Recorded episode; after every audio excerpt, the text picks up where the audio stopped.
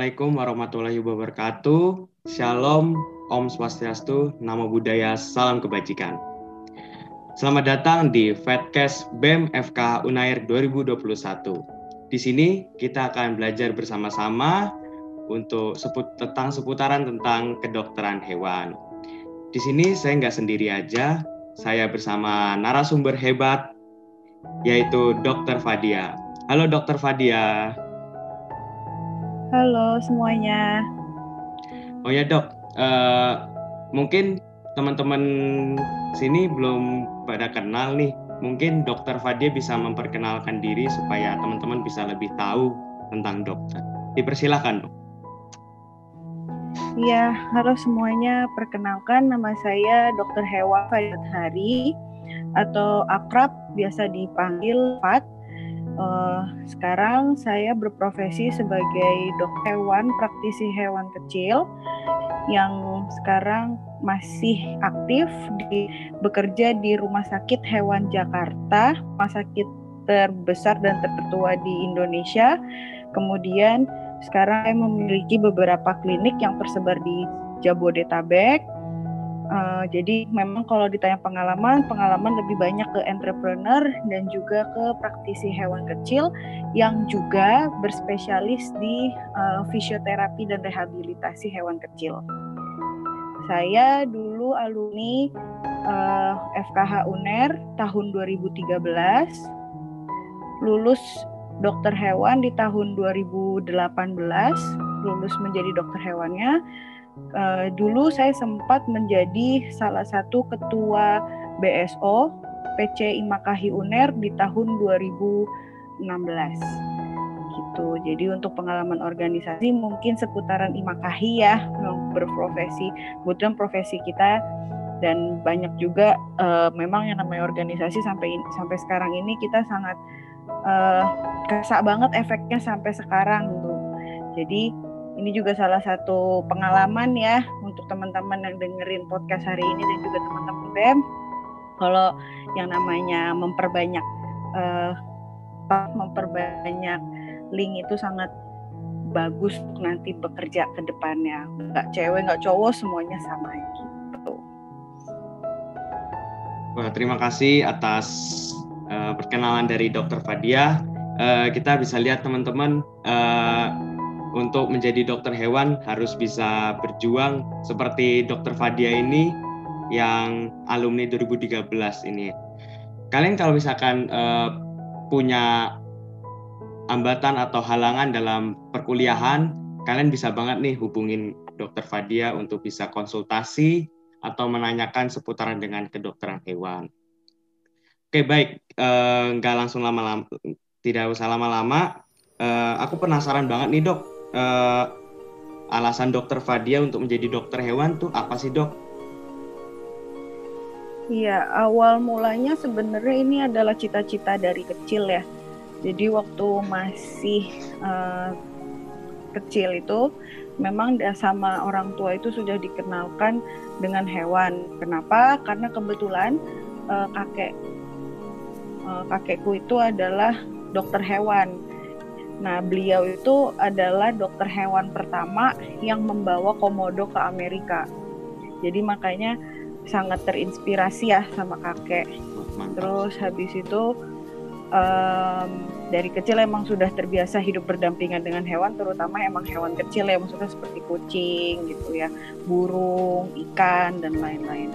Kemudian uh, tumbuh ya pelihara kucing pasti banyak ya. Kita dulu juga sempat pada masa di mana menjadi shelter kecil di rumah ya. Kucing bisa sampai 30 di rumah selama SMP SMA. Jadi setiap apa setiap pulang sekolah gitu ngeliat kucing kasihan ditolongin gitu ya ada yang mati ada yang selamat dan macam-macam namanya juga ini ya rescuer yeah. lah gitu rescuer agak-agak yeah. karena zaman dulu belum ada tuh shelter-shelter rescuer rescuer pada pada masa itu belum ada sama sekali gitu kan jadi kita kayak mandiri aja gitu atas biaya biaya orang tua gitu yang pasti nggak donasi terus habis itu pas masa masa paling apa ya masa paling uh, kayak paling tertriggernya untuk benar-benar menjadi dokter hewan adalah suatu masa pas mau UN UN SMA itu memang lagi UN tepat.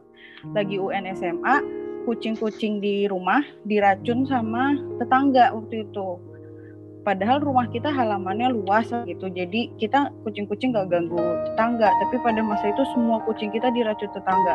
Akhirnya sambil nangis sambil ya nangis marah ya jadi satu lah semuanya akhirnya bener-bener pokoknya harus jadi dokter hewan. Kalau orang Jakarta kan ngomongnya gue harus jadi dokter hewan nggak mau tahu gitu. Jadi mau di mana pun yang penting harus jadi dokter hewan. Mau di UNER mau di IPB mau di UGM terserah deh pokoknya. Lulus jadi dokter hewan dan harus kerja di rumah sakit hewan Jakarta. Karena kebetulan deket banget dari rumah cuma lima menit dari rumah. Jadi pokoknya harus goalnya harus ke situ gitu. Dan ternyata alhamdulillah uh, lulus jadi dokter hewan semuanya kesampaian gitu. Wah mantap sekali dari pengalaman yang telah diceritakan oleh Dokter Fadia ini ya. Uh, tidak hanya giat tidak hanya giat dalam perkuliahan tapi juga memiliki hati yang hati nurani yang baik untuk menolong kucing-kucing yang ada di jalanan. Mungkin yang uh, hampir teracuni atau seperti yang tadi dokter Fadia jelaskan tadi ya untuk bisa jadi pelajaran buat kita kita tidak hanya uh, mendalami menekuni perkuliahan saja tetapi harus diterapkan juga dalam kehidupan sehari-hari seperti menolong hewan yang terlantar dengan istilahnya itu dengan uh, kerelaan hati yang begitu besar gitu. Jadinya uh, jadi terlatih begitu untuk melatih uh, hati nurani yang bisa merambat ke semuanya dan uh, menolong banyak hewan yang terlantar. Oke okay, dok. Iya betul, uh, betul juga. Karena memang dokter hewan tuh dianggap kayak dukun ya. Iya. Iya. Kayak semua kita harus nebak hewannya sakit apa. Itulah dokter dukun. Hebat dukun. Siap dok.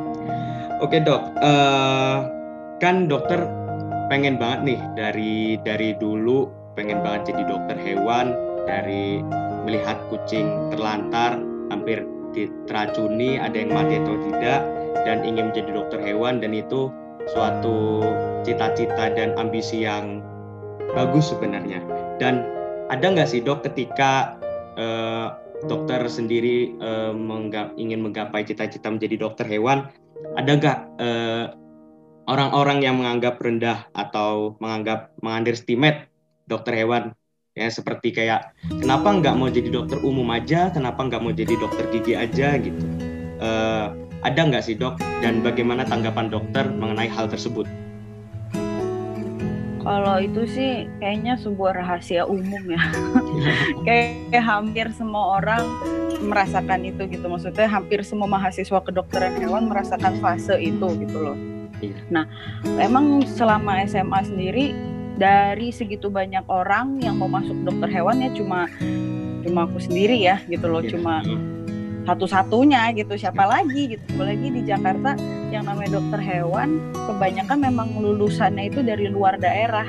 Hmm. bukan dari IPB gitu ya enggak. Karena kebanyakan apalagi praktisi hewan kecil ya. Kalau yang praktisi hewan kecil yang udah tua yang udah senior senior emang kebanyakan memang dari dari Bogor dari IPB tapi kalau sekarang kebanyakan kita dari daerah gitu. Dan saat waktu masuk uh, pas SMA itu emang banyak yang pada ngejarnya kan dulu maunya dokter FK FK FK gitu. Ada yeah. FKG lah gitu. Terus uh, harus universitasnya yang UI gitu kan atau yeah. yang pokoknya yang wow wow gitu semuanya jadi pada mempertanyakan kenapa sih mau jadi dokter hewan? Pertanyaanku eh jawabanku simpel. Ya ini cita-cita gitu loh. Emang dari kecil sudah ditanamkan itu sama uh, keluarga besar terutama ya. Maksudnya uh, namanya semua profesi itu uh, memang sangat mulia gitu. Karena ibu bapak kakak semuanya profesinya di sini hampir sama mereka. Dan cuma aku sendiri yang loncat jadi dokter hewan gitu pengikut apa mengikuti jejak eyang lah mengikuti jejak kakekku yeah. sendiri gitu. Nah terus um, memang sebenarnya kalau ditanya ada nggak sih yang menganggap rendah? Kebetulan di sekitaran apa di lingkunganku sendiri itu hampir nggak ada yang menganggap rendah langsung ya kayak ih ngapain hewan? Malah kita setiap nggak tahu ya mungkin karena pembawaan juga kali ya atau cara kita memperkenalkan kita itu siapa mereka malah jadi respect eh ternyata ya dokter hewan seperti ini gitu. Iya ada gitu. Dan uh, apa malah jadinya sesuatu yang unik gitu. Tapi pas kita masuk kuliah gitu banyak juga yang memang yang kayak emang dokter hewan ngapain sih cuma nyuntik-nyuntik doang gitu. Hmm, eh pas udah kerja ternyata dokter hewan itu adalah suatu pekerjaan yang penuh dengan pressure memang yeah. sebenarnya gitu ya. Hmm. jadi uh, kalau menganggap rendah dan membeda-bedakan sampai sekarang sih sebenarnya masih banyak ya kesesama kita pun sebagai orang yang sama-sama sudah menjadi dokter ya yang yeah. sudah memiliki title titel kalau kita tuh dokter, dokter gigi, dokter manusia kayak gitu, mereka masih banyak. Hmm. Dan sebenarnya kemarin aku juga habis diajak ribut sama sama salah satu profesi seberang lah kayak gitu. Oh, iya. Karena mempermasalahkan banyak hal. Jadi sebenarnya mereka masih belum mengerti sebenarnya peran dokter hewan itu apa. Cuma karena kurang mengerti aja sih. Bukan tapi kalau di sekarang dunia kerjaku klinik yang sekarang sih mereka udah sangat respect dengan dokter hewan klinik ya yeah. untuk sementara ini karena memang makin banyak yang sayang peduli sama hewan kayak gitu. Yeah. Dan ketika uh, ada misalnya sedikit-sedikit ada kayak underestimate gitu atau kayak penyerangan atau ada istilahnya ada cekcok dari ya sebelah begitu apakah uh, dokter menjadi menjadi ngedown atau justru semakin semangat untuk bisa menjalani profesi dokter hewan? Malah lucu sih, ketawa sebenarnya. Karena gini aja sih, mereka itu menyerang sesuatu yang sebenarnya tidak berdasar ya gitu. Hmm. Misalkan uh, sebenarnya prinsip menjadi dok menjadi dokter lah siapa pun itu prinsip dokter itu sama intinya dan etika kita itu sama etika profesi kita itu semua sama dan saat mereka menyerang kayak kemarin kejadian minggu lalu nih saya secara aku secara pribadi diserang gitu ya sama mereka.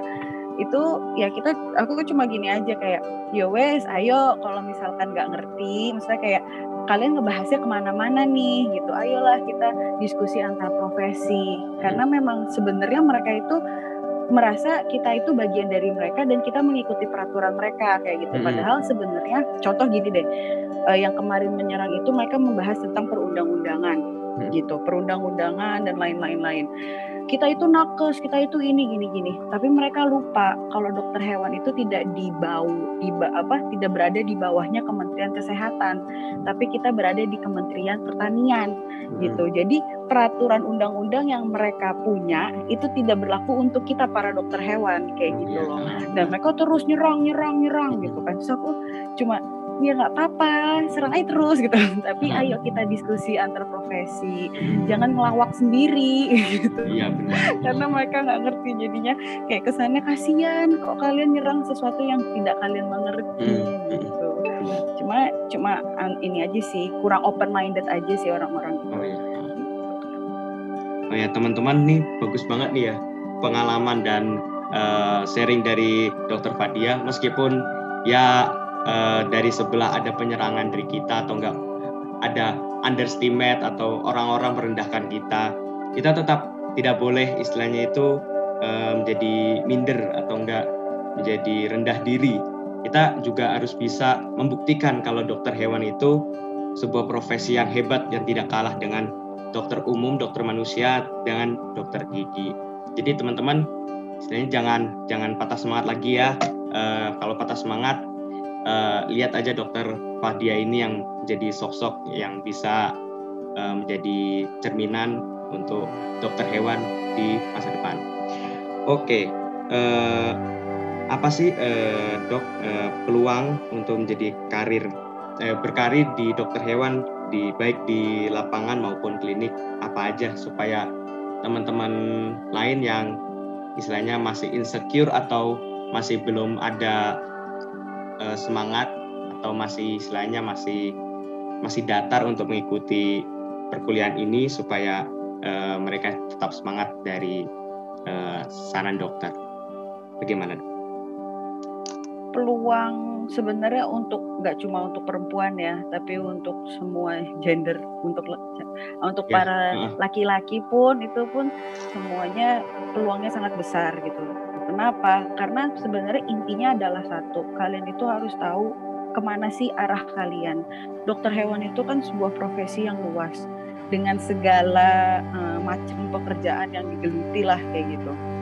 Dan apa dan kalaupun kalau misalkan sekarang ditanya peluang peluangnya ya sama saja seperti profesi-profesi lain gitu dokter hewan menjadi dokter hewan praktisi hewan kecil banyak ya kan klinik sekarang apalagi sudah sangat menjamur di mana-mana klinik hewan kecil mau yang besar mau yang kecil mau yang mandiri mau yang praktek dokter hewan bersama itu banyak banget. Hmm. Kemudian ada juga dokter hewan yang ingin menjadi entrepreneur, itu juga banyak pasti tahu kan beberapa dari senior kita yang sering uh, koar-koar kalau emang kita ini dokter hewan bisa jadi entrepreneur gitu. Dan saya sendiri juga mendalami itu nggak cuma praktek tapi entrepreneur juga kayak hmm. gitu. Terus kemudian mau dokter hewan cewek ini apa perempuan yang dikonservasi banyak teman seangkatan tuh juga. Banyak nggak cuma UNER, UGM, IPB itu banyak yang sekarang ke konservasi. Dan mereka itu perempuan gitu. Hmm. Jadi uh, beragam. Ada juga yang ingin jadi technical uh, service apa sih TS gitu ya. Itu juga banyak perempuan gitu. Malah uh, semua bidang itu sudah tidak melihat perempuan, laki-laki. Enggak, yang penting sekarang passion kalian tuh mau ke mana. Kalau kalian bisa serius ke sana dari kuliah nih sekarang udah punya gambaran. Pokoknya aku uh, mau kalau nggak jadi praktisi hewan kecil, jadi konservasi gitu. Pengennya di kebun binatang, kebun binatang Surabaya misalkan kayak gitu. Kalau jadi praktisi hewan kecil, maunya kerja di RSHP UNER misalkan kayak gitu. Ya udah, kalian tekunin ke sana. Walaupun sampai nanti detik terakhir tiba-tiba berubah semua, nggak masalah. Yang penting kalian tahu, kalian tuh mau jadi dokter hewan yang seperti apa mau jadi itu profesinya atau apa sih goal kalian ke depan kayak gitu. Jadi kalau peluang besar banget. Mungkin kalian juga nggak tahu kan kalau dokter hewan itu ada yang kerja di departemen pertanian, bagian yang kayak eh, atas pertanian itu juga dokter hewan kebanyakan. Ke menteri itu juga banyak ada juga dokter hewan. Hmm. Terus juga dirjen itu juga dokter hewan. Jadi bah bener deh dokter hewan itu bisa ke mana aja dan asalkan ya kita memang benar-benar serius menekuni itu gitu. Jadi dokter hewan tuh nggak cuma sekali nyuntik nyuntik nyuntik gitu. Nggak cuma nyuntik sapi atau nyuntik yeah. kucing malah nyuntik juga kan harus mikir juga. Nyuntiknya berapa mili ya kan? Bagian mana yang mau disuntik ya kan? Obatnya gimana? Sama kayak gitu. Wah bisa dilihat ya teman-teman tidak hanya uh, apa yang kita bayangkan saja kayak cuman apa namanya di klinik cuman untuk nyembuhin itu tidak. Jadi peluang jadi dokter hewan yang apa uh, lulusan menjadi dokter hewan itu banyak sekali seperti entrepreneur disebutkan tadi sama konservasi. Jadinya teman-teman uh, jangan terlalu uh, istilahnya itu uh, menyerah atau bagaimana karena peluang itu masih banyak lagi. Ada juga yang jadi menteri atau jadi dirijen tadi yang disebutkan Dokter Fadia. Oke, uh, lanjut. Uh, ada nggak sih dok uh, pengalaman dokter menjadi uh, pernah untuk menghandling ternak besar uh, supaya teman-teman yang ingin punya peternakan nih, peternakan sapi atau peternakan kambing itu bisa terinspirasi uh, bagaimana cara mengelola sebuah peternakan. Silahkan. Uh, kalau handling hewan besar memang lebih ke acara-acara ya, event-event di kampus itu kan banyak banget ya yang memang uh, men lebih mendalami tentang ternak besar gitu ya, mau sapi, sapinya macam-macam, terus juga kambing, domba dan lain-lain gitu. Kalau pengalaman pribadi sih ke, hanya saat itu ya event itu atau pas koas aja gitu kan koas kan juga kita ada PKL di sana terus ada PKL di peternakan waktu itu aku waktu itu PKL-nya di uh, kuda sih kebetulan terus habis itu ada kita kan ke teaching farm. Nah itu juga sih lebih banyak pengalaman ke sana. Tapi teman-teman perempuan teman-teman koasku sendiri itu lebih banyak memang ada di peternakan hewan besar ya gitu. Dan mereka benar apa kayaknya happy happy aja gitu setiap hari ke kandang terus gitu uh, apa namanya ngelihat segala macem lah pokoknya. Kayaknya enjoy enjoy aja gitu ya. Mm-hmm apa setiap hari kotor-kotoran ke kandang siap pakai bajunya kettle pack gitu kan sama boots gitu. Mereka sih happy happy aja. Jadi kalau kita sharing-sharing gitu ya teman-teman yang udah berkelana di mana-mana ini ya udah pada tersebar di mana-mana. Kalau kita sharing-sharingnya lucu-lucu aja karena emang apa mereka sangat uh, happy ya enjoy sama pekerjaannya mereka kayak gitu. Kalau aku sendiri sih lebih kalau pengalaman hewan besar itu lebih ke anjing besar sih tepatnya. kalau anjing besar itu udah deh kalau udah kalau masih imut masih baik bisa dihandle sih ya gampang ya. Hmm. Tapi kalau udah galak macem pitbull, cow-cow gitu. Cow-cow emang mukanya lucu tapi gigitan mantap sekali gitu kan hmm. atau herder gitu. Nah, ya itu pengalamannya banyak di situ kegigit ya. itu aja sih paling. Wah mantap. Uh, sharing dari Dokter Fadia mengenai uh, handling ternak besar ini, untuk teman-teman bisa terinspirasi, harus terinspirasi ya guys ya, uh, supaya bisa uh, jadi peternak yang hebat nanti ke depannya.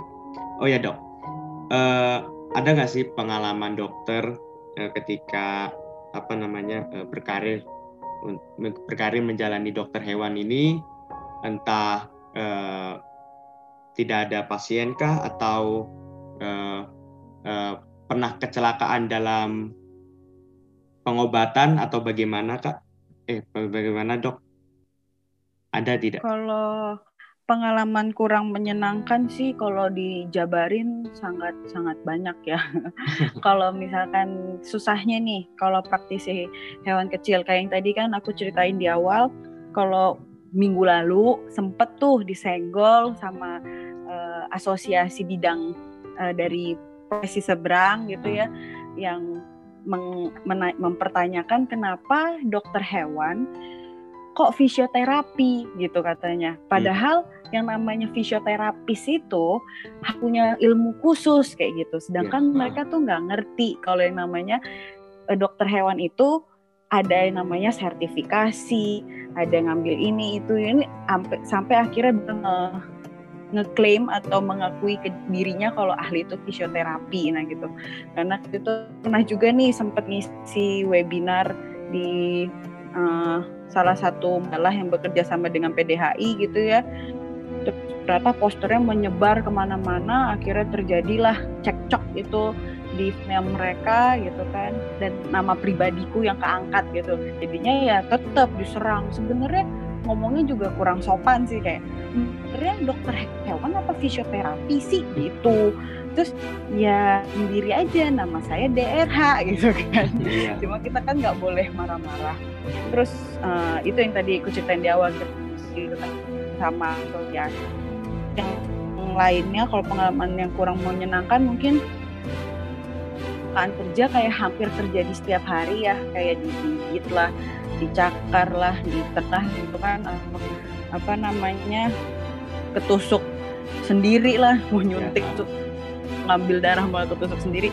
Itu sih kayak hampir setiap hari terjadi harus hati-hati tapi kalau yang lebih sakit itu adalah dokter hewan yang ditugaskan untuk mengobati hewan ya kan tapi sama owner sama pemilik hewan tuh malah kita yang di uh, dianggap rendah lah seakan-akan hmm. mereka itu lebih paham tentang hewannya, tentang hmm. hewannya, tentang semua muanya daripada kita dokter hewan gitu.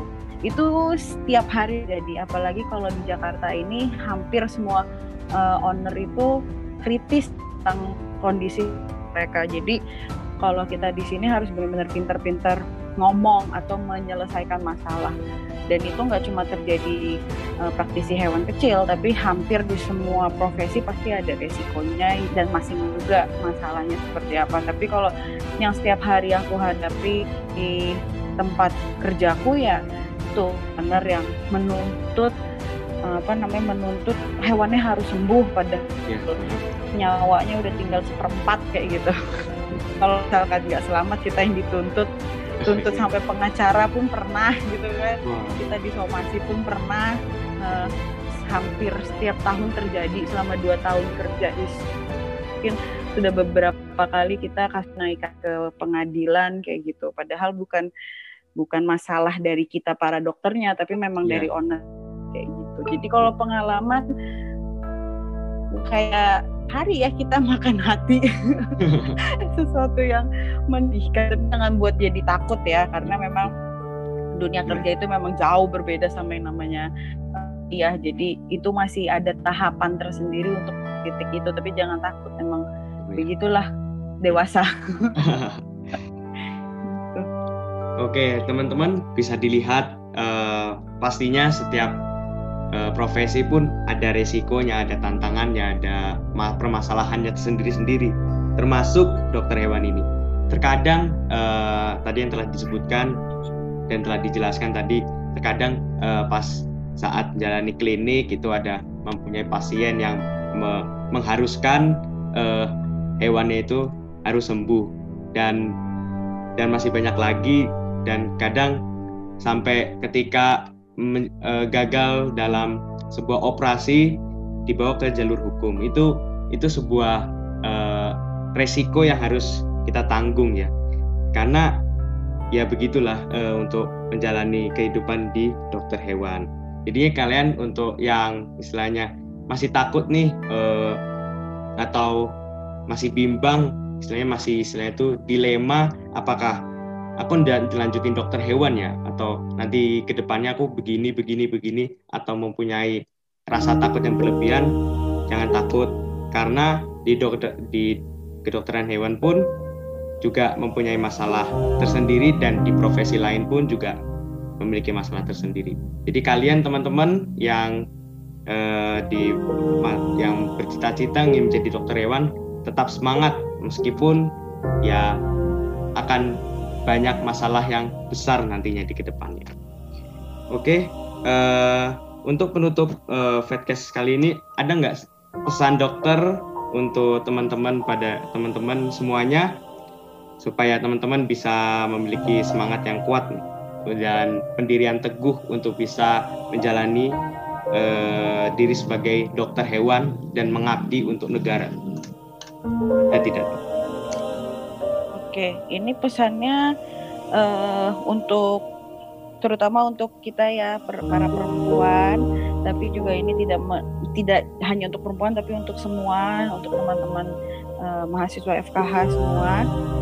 Jadi uh, pesannya adalah yang pertama kita itu memang harus yang namanya uh, punya cita-cita setinggi apa pun terserah mau se seperti apa pun bentukannya mau di luar dari FKH mau di luar dari kedokteran hewan nggak masalah. Mau masih di bidangnya nggak masalah. Semuanya harus semua harus punya cita-cita setinggi tingginya kemudian uh, kita harus juga kenal sama diri kita sendiri ya gimana pun ya. Dan yang namanya di lapangan kerja itu tidak ada yang namanya beda. Yang namanya perempuan, yang namanya laki-laki itu nggak ada bedanya. Semua panggilannya satu, dokter. Dok selamat pagi dok.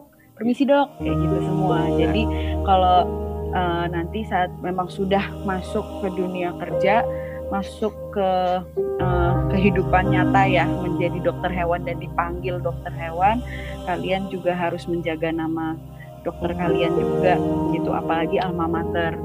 Kalau saingan ke sesama sesama dokter hewan hal yang sangat wajar tapi saingannya harus dengan ilmu ya gitu. Harus dengan ilmu harus dengan uh, atas nama profesi dan jangan lupa sama uh, etika profesi kita gitu. Kemudian juga uh, jangan sedih jangan apa ya jangan bimbang. Kalian udah masuk jadi anak apa mahasiswa FKH yang namanya dokter hewan itu lapangan pekerjaannya sangat luas, sangat banyak, uh, semuanya bisa kita tekuni, semuanya bisa kita ada pasti peluang kita semuanya.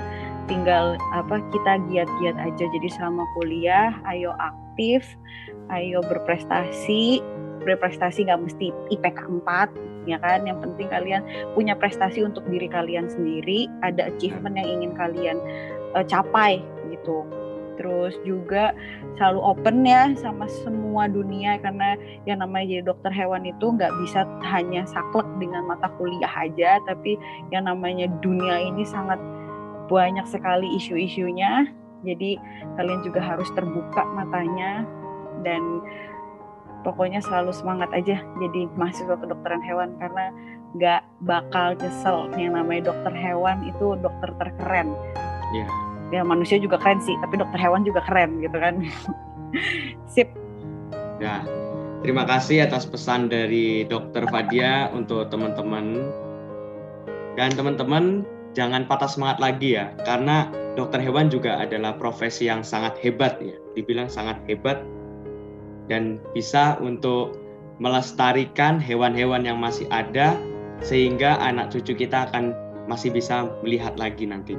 Oke, terima kasih uh, Dokter Fadia untuk bisa mengisi waktunya untuk jadi narasumber podcast pada kali ini. Kurang lebihnya mohon maaf. Wassalamualaikum warahmatullahi wabarakatuh.